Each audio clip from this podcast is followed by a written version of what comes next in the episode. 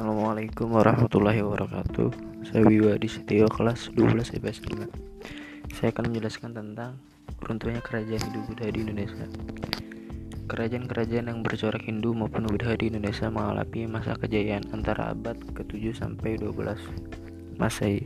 Setelah memasuki abad ke-10 sampai ke abad 12 Kerajaan Hindu yang bercorak Hindu maupun Buddha di Indonesia mulai mengalami kemunduran Secara umum, faktor-faktor penyebab runtuhnya kerajaan-kerajaan yang bercorak Hindu-Buddha sebagai berikut. 1. Desaknya kerajaan-kerajaan kecil oleh kerajaan-kerajaan besar.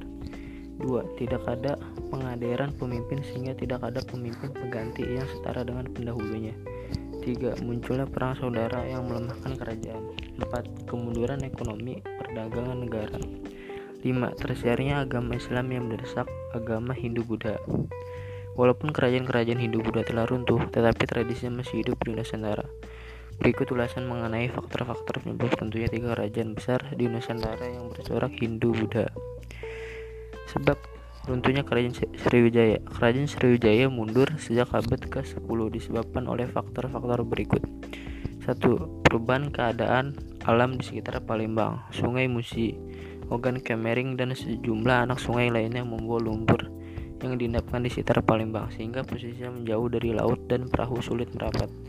2. Letak Palembang yang makin jauh dari laut menyebabkan daerah itu kurang strategis. Lagi kedudukannya sebagai pusat perdagangan nasional maupun internasional. 3. Dalam bidang politik, Sriwijaya hanya memiliki angkatan laut yang diandalkan. Setelah kekuasaan di Jawa Timur berkembang pada masa air langga, Sriwijaya terpaksa mengakui Jawa Barat Timur sebagai pemegang hegemoni di Indonesia bagian timur dan Sriwijaya di bagian barat. Dan kedua runtuhnya kerajaan Mataram kuno.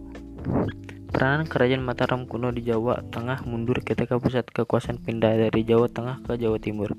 Ada beberapa pendapat mengenai pemindahan pusat kerajaan ini. Pendapat lama mengatakan bahwa pemindahan pusat kerajaan ini sehubung dengan adanya bencana alam berupa banjir atau gunung meletus atau adanya wabah penyakit. Namun pada ini tidak dapat dibuktikan sebab tidak didukung oleh bukti-bukti sejarah. Pendapat lain menyebutkan bahwa rakyat menyingkir ke Jawa Timur akibat adanya paksaan terhadap para pengadut Hindu untuk membangun Candi Buddha. Pendapat baru menyebutkan dua faktor berikut.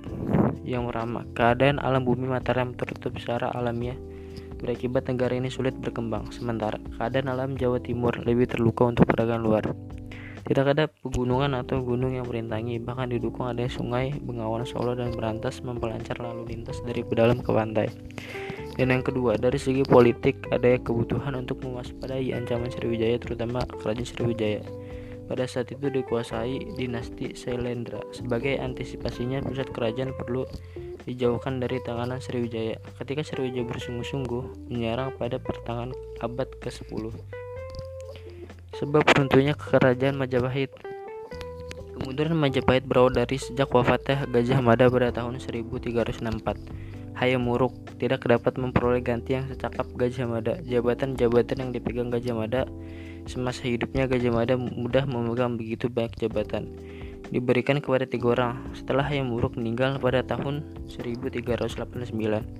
Majapahit benar-benar mengalami kemunduran. Beberapa faktor penyebab kemunduran Majapahit sebagai berikut.